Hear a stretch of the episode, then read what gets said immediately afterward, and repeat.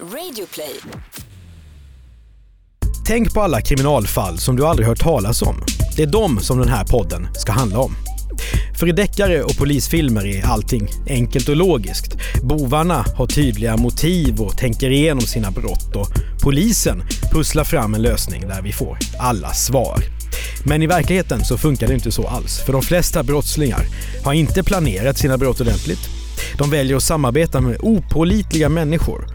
Eller så har de helt orealistiska förväntningar på rånbytet. Välkommen till Misslyckade brott. Jag heter Mattias Bergman.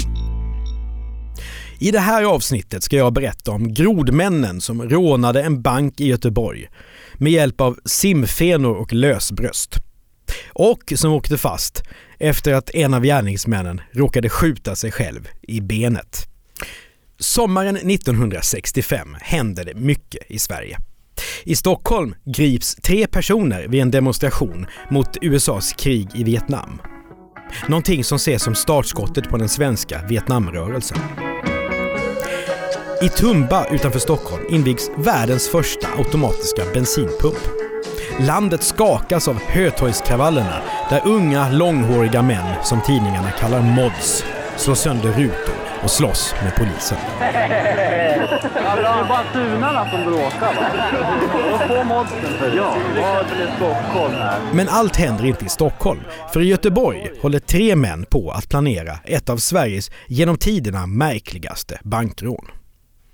Trion består av en samling unga män med väldigt olika bakgrund. Erik kommer ursprungligen från Ungern. Han har studerat i USA där han 1964 dömts för stöld. Erik lyckas dock fly och reser runt i världen och uppger olika nationaliteter lite beroende på vad som passar. Latslo kommer också från Ungern. Tidigare var han en framgångsrik amatörboxare. Men sen var det något som hände.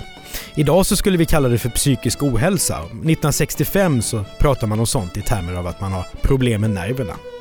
Och så Peter, som har kommit till Sverige som politisk flykting från Ungern. Han är gift, har två barn och är nu svensk medborgare. Tidigare så drev han kaféet Blå Donau i Göteborg. Där var Erik och Latslo gäster. Så det är så de här tre har lärt känna varandra. Och nu ska de begå brott tillsammans. Erik, Peter och Latslo går grundligt tillväga. Det är nästan som att de driver ett företag tillsammans. De börjar hålla konferens. Det är våren 1965. De här tre ses i franska Marseille där de sover över en natt innan de fortsätter till Costa Brava i Spanien. Där checkar de in på ett bungalow-liknande hotell vid stranden. Att resa utomlands är någonting helt annat 1965 än vad det är idag. Vid den här tiden så brukar svenskarna semestra hemma. Möjligen åker man till något grannland. Men att resa utomlands, det är någonting mycket exotiskt vid den här tiden. Så Erik, Peter och Laszlo, de har slagit på stort när de åker till Spanien. Men det är helt logiskt, för de har också stora planer. Erik är ledaren och han driver diskussionerna framåt. Målet är att komma över stora pengar snabbt. Och han har många idéer. Erik tycker till exempel att Riksbankens kontor i Göteborg skulle vara ett perfekt mål. Och han skissar på hur en kupp skulle kunna genomföras. Man skulle kunna köra fram två tankbilar med bensin, pumpa ut bränslet på bägge sidor om Riksbankens lokal och tända på. Röken och hettan skulle göra att personalen flyr i panik och då ska trion göra en stöt mot banken. Det räcker alltså med varsin pistol för att rusa in och roffa åt sig så många miljoner att alla tre skulle kunna leva lyxliv i resten av livet. Och fly därifrån kommer ju att vara lätt också för röken gör att ingen ser något. Det här är ju vad Erik tror då. Eller han är helt säker på att det kommer att funka. Men Peter avstyr de här vilda planerna. Han menar att den, den här kuppen skulle innebära alldeles för stora investeringar och sånt har ligan helt enkelt inte råd med.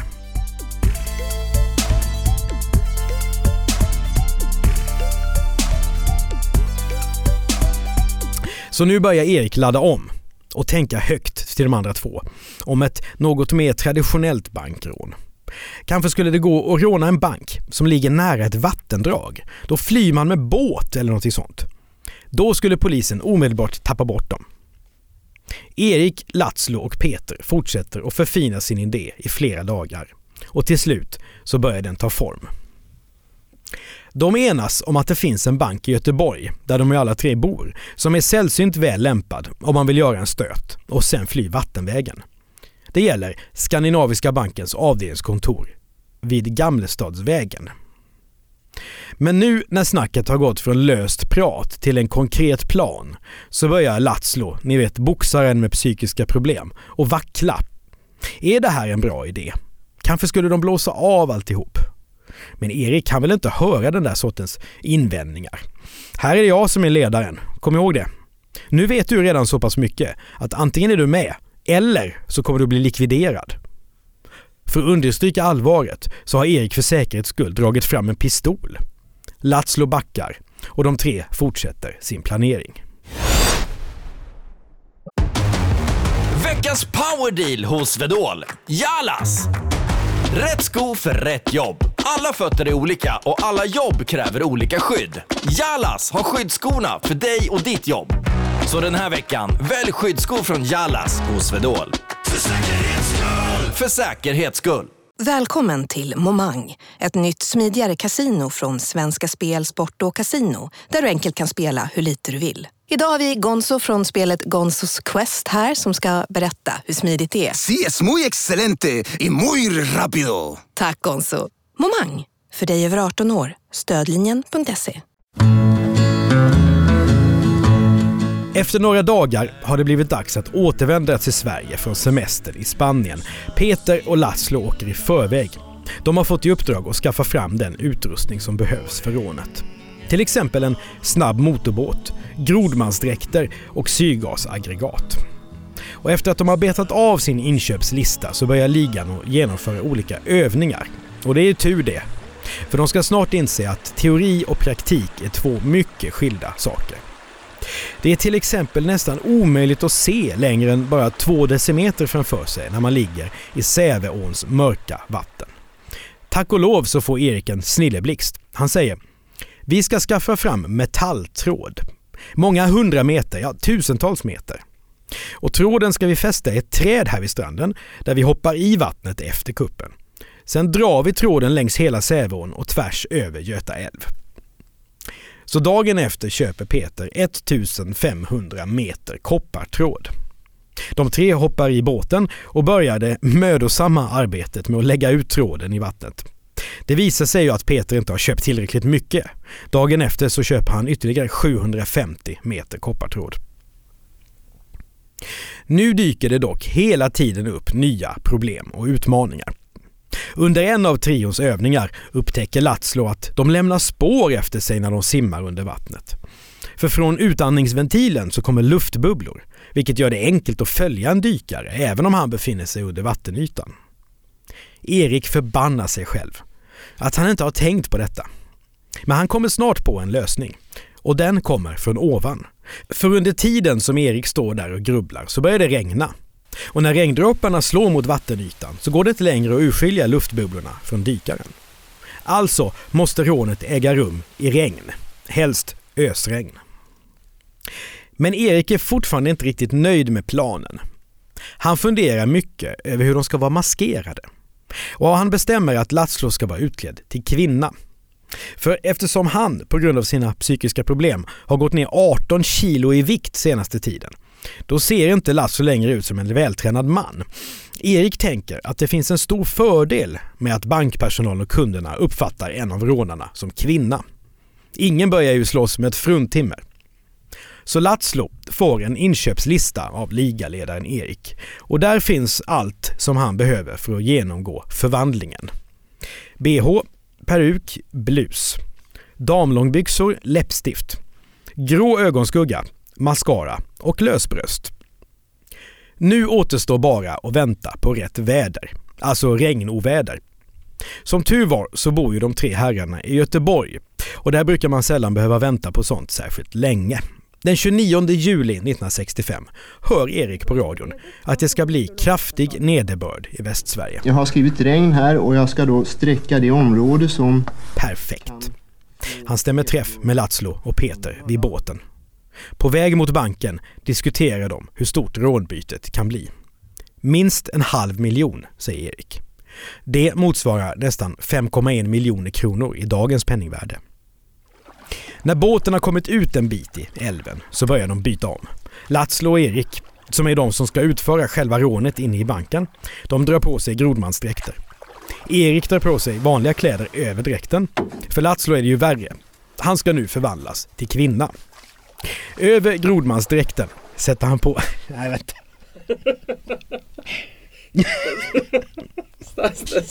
Snacka om att krångla till.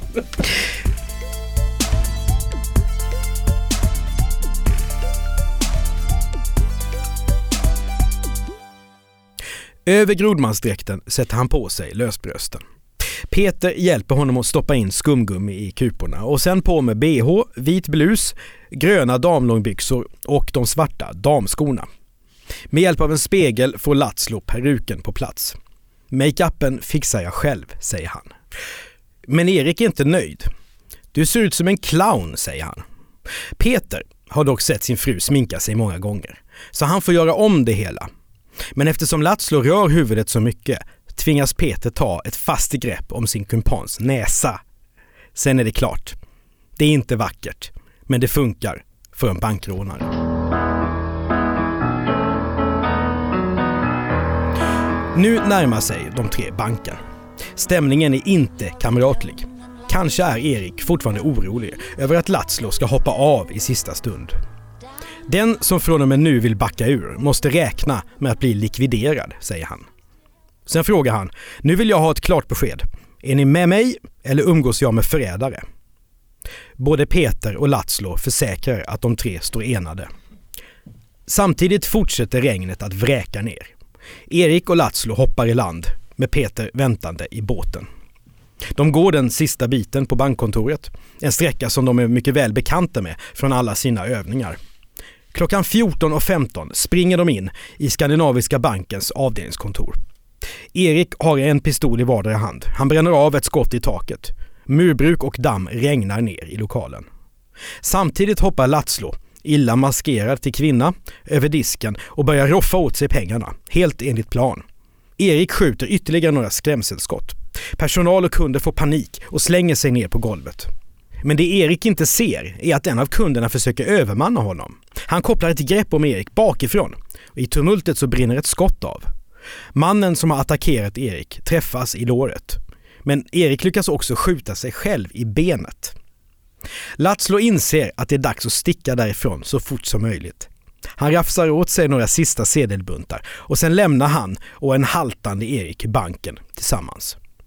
Med sig har de inte en halv miljon kronor som Erik hade räknat med, utan 17 655 kronor. Nu flyr de två rånarna mot båten, men de är jagade. Två yngre banktjänstemän springer efter dem. Bara efter 150 meter så hoppar Erik och Latslo i Säveån. Banktjänstemännen ger inte upp, för så här lätt ska rånarna inte komma undan. De springer till en bro och därifrån börjar de kasta sten på Erik och Latslo. Först när Erik skjuter ett skott mot banktjänstemännen så springer de därifrån. Men de ser hur rånarna simmar till andra sidan ån. Där försvinner de och en stund senare hörs ljudet av en motorbåt som snabbt kör därifrån. Peter och Latslo har nämligen fått panik och vågar därför inte vänta på Erik. Istället åker de därifrån utan sin ligaledare. Polisen är snabbt på plats. Spårhundar söker igenom stranden. Eftersom regnet vräker ner så kunde förutsättningarna inte vara sämre. Men en av hundarna lyckas ändå. Nere vid stranden, dold i vassen, finns ett ansikte. Kroppen är under vatten och när polisen drar upp mannen ser de att han är iförd grodmansdräkt och simfötter. Erik är gripen. Men han tänker inte samarbeta. I förhör så pratar han först engelska men föreslår sedan att de ska gå över till tyska. Han heter nämligen, säger han, Walter Müller och kommer från Leipzig. Polisen tror honom inte. Som tur är så är det några av dagstidningarna som publicerar en bild på Erik och snart strömmar tipsen in. Det visar sig att Erik använder många olika namn, minst fem stycken. Och det är bara i Göteborg. Men polisen har tur. En ung amerikansk kvinna som är på besök i Göteborg ser bilden på Erik i tidningen och tycker att hon känner igen honom. Han är i alla fall väldigt lik en ung man som har studerat samtidigt som henne vid Monterey Peninsula College i Kalifornien tre år tidigare. Hon tar med sig ett fotografi och visar polisen. Och nog är det samma person. Så nu vet polisen vem den här Walter Müller är.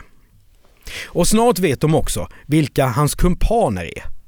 Det tar nämligen inte polisen särskilt lång tid att komma Peter och Latslo på spåren. Inte minst för att Erik och de andra två har setts tillsammans i Göteborg.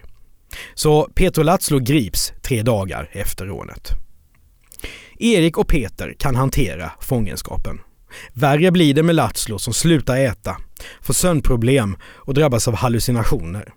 Polisen beskriver honom som likblek och apatisk. Laszlo får tillstånd att träffa en katolsk präst för att lugna sina nerver. Men han mår så dåligt att rättegången mot honom måste skjutas upp.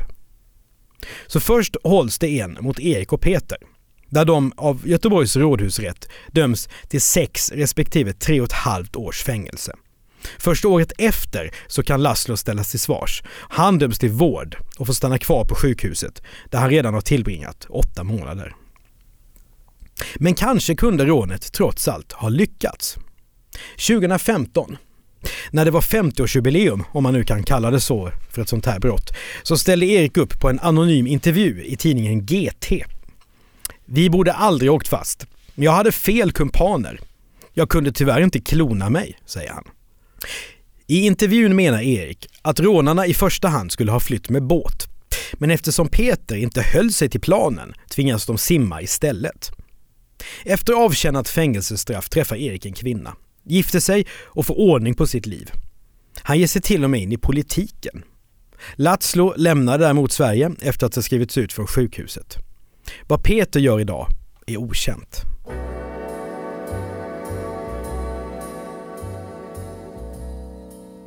Så här i efterhand kan man konstatera att Grodmansrånet inte bara är Sveriges kanske märkligaste rån genom tiderna. Det har också gett upphov till en av de mer bisarra löpsedlar som en tidning har producerat.